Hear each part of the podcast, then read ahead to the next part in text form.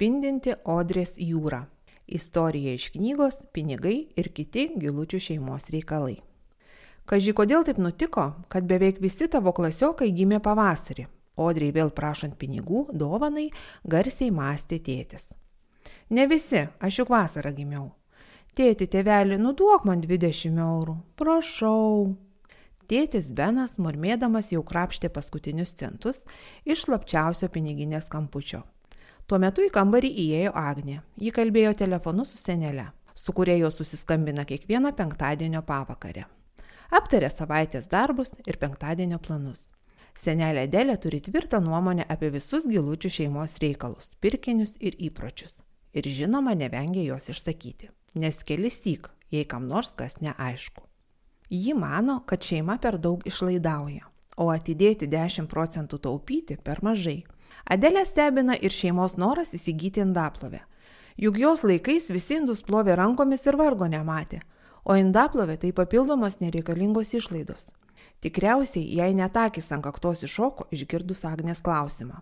Sakyk, mama, ar tau atrodo normalu, kad vaikai eidami gimtadienį dovanų neša 20 eurų?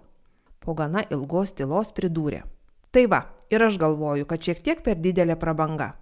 O tu spėk, kiek Odrės draugų gimtadienio buvo per ateinančius du mėnesius. Dvylika, net sušuko į ragelį mama. Penktadienio vakaras.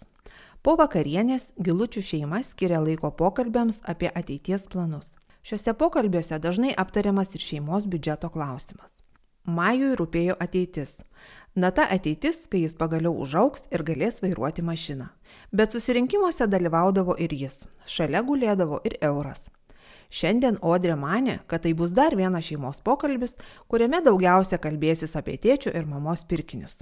Gal dar apie ateities atostogas, indaplovę, tačiau viskas netikėtai pasisuko kitą linkmę.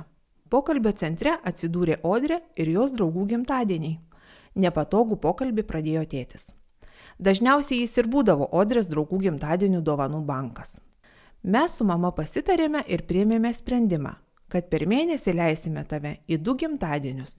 Dviejų gimtadienių dovanoms mes tau duosime pinigų, o jei norėsi eiti į kitus, Teks pirkti dovanas už savo santaupas, kiek pataisė tėti mama. Ką toliau kalbėjo mama, Odrė jau nebegirdėjo. Akis pritvinko surių lašelių, kurie rodės tuoj tuoj sprogs didžiausių pykščių vulkanu. Galvoje ją iškilo draugai, kurie liūdės, gal net pyks, jei ji nepasirodys jų gimtadieniuose. Jūs nieko nesuprantat, bėgdama link savo kambario rėkė Odrė. Ašaros vis dar bėgo skruostais, o Odrė skaičiavo sutaupytus pinigus – Suprato, kad užteks vos trims papildomiems gimtadieniams, o juk taupė taip ilgai, dėjo centą prie cento. Visą vakarą nenorėjo su nieko kalbėtis. Kartojo savo, kad tai pats baisiausias penktadienis per visą jos gyvenimą. Vėliau pykti nugalėjo nuovargis ir ji užmygo išverkusi visas susikaupusias emocijas. Kita rytą Odriai dar buvo kilusi mintis neiti iš kambario, bet juk šeštadienis. Šeštadienis tėčio pabaisuokliškų blynų diena. Benas visą rytą kepa įvairių formų, raštų ir dydžių blinus, o visa šeima kiekvienam naujai iškeptam blynui duoda vardą. Odrė net nemėgo blynų taip, kaip juos mėgsta Majus, bet tėčio blynų žaidimas buvo smagiausia ryto pradžia. Todėl atėjo ir ji. Labas rytas. Tėtė, aš atsiprašau dėl vakaro, bet taip vis tiek nesažininga, pokalbį pradėjo aštuonmetė. Tėtis kūrė naują baiseblinį ir šaukštų išpylęs paskutinius geltonos lik saulė tešlos likučius, atsisukęs tarė. Labas rytas, princesė. Suprantam tave, bet mes negalim sauliaisti tiek brangių dovanų. 12 gimtadienių - tai daugiau nei 200 eurų. Tai dideli pinigai. Tai aš galiu į kelis ir neiti, bus mažiau, dar bandė dėrėtis Odrė, bet tėčio nuomonės nepakeitė. Galiausiai žodį tarė iš kažkur atėjusi mama. Rankose ji laikė didelę dėžę, ant kurios viršaus jau buvo apsigyvenęs lengvų kaip snaigės dulkių sluoksnis. Kruopščiai nuvaliusi dėžę padėjo šalia auštančių tėčio blynų. Visi nekantriai laukė, kada mama parodys, kas viduje. Majus prisikišęs pilnų žandus blynų lipo ant tėčio, kad pirmas pamatytų, koks tai lobis. Agnė išlėto pravėrė dėžę ir iš jos pasklido visų žemės spalvų prisigėrę stiklo burbuliukai spalvoti kamoliukai, juostelės, grandinėlės, gėlytės, pakabukai, virvelės ir viskas, iš ko galima pagaminti gražiausias apyrankės ir grandinėlės. Dar prieš jums gimstant buvau nutarusi pradėti gaminti ką nors gražaus, kad augindama jūs turėčiau veiklos.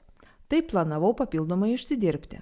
Bet štai kai būna, kai kalbi, kalbi ir nepadarai, mama nusišypso. Čia aš padovanojau tau mūsų penktųjų metinių progą, į prisiminimus grįžo tėtis. Tai dabar tu pradėsi tai, ko nedarėjai, nors norėjai, visai sutrikusi pasiteiravo Odrė. Pradėsiu su tavimi, pamokysiu tave ir manau tai išspręs didžiausią tavo rūpestį. Nuo pusryčių iki beveik pavakarių gilučių merginos nepakilo nuo stalo. Tėtis su Majomi rūpinosi pietomis, retsikiais prisėsdami pažaisti spalvotais rutuliukais, kuriuos taip kantriai vėrė mama su sese. Majus taip pat pagamino apyrankę. Nors ant virvelės kabojo vos vienas juodas burbuliukas, bet jis vis tiek didžiavusi savimi iki pat debesų. Odriai sekėsi vis geriau. Veikla ją taip įtraukė, kad vakarė jau turėjo keturias nuostabaus grožio apyrankės ir vieną kareiviškomis spalvomis margintą grandinėlę. Mama, ar tu matai kokios gražios? Tikrai labai dailios ir ta grandinėlė tokia stilinga, visas pati nešiosi. Po klausimo Odrė susimastė, nes ne minutės nebuvo pagalvojusi, kad jas daro savo. Net nežinojo, kodėl daro, tiesiog buvo smagu, o ir labai ramino. Bet staiga, su lik besileidžiančio saulės spinduliu skriejančiu pro langą, Odrė iššovė neįtikėtina mintis. Mama, mama, juk aš galiu padovanoti šias apyrankės draugams eidama į gimtadienius. Ar būtų gera dovana? Būtų labai graži ir šilta dovana. Tokias daugelis jau pamiršę, su šypsena veidė atsakė Agnė. Jo širdį džiaugiasi, kad dukra suprato, kokį planą jai buvo paruošusi. Šioje istorijoje nuostabiausia tai, kad po pirmo gimtadienio, į kurį Odrė nuėjo su savo sukurta dovana, visi kalbėjo, jog tai buvo geriausia gimtadienio dovana. Po antro gimtadienio visi sakė tą patį. Draugai norėjo Odrės kūriamo grožio ir tai ją skatino kurti.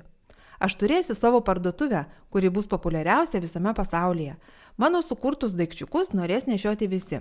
Pavadinsiu parduotuvę Spindinti Odrės jūra. Einu toliau dirbti, nes, kaip sakė mama, būna taip, kad kalbi kalbi ir nieko nepadarai. Finansų ekspertės Juratės patarimus šią temą rasite įrašo aprašyme. Istoriją įgarsino Solveiga Vaičiukauskinė.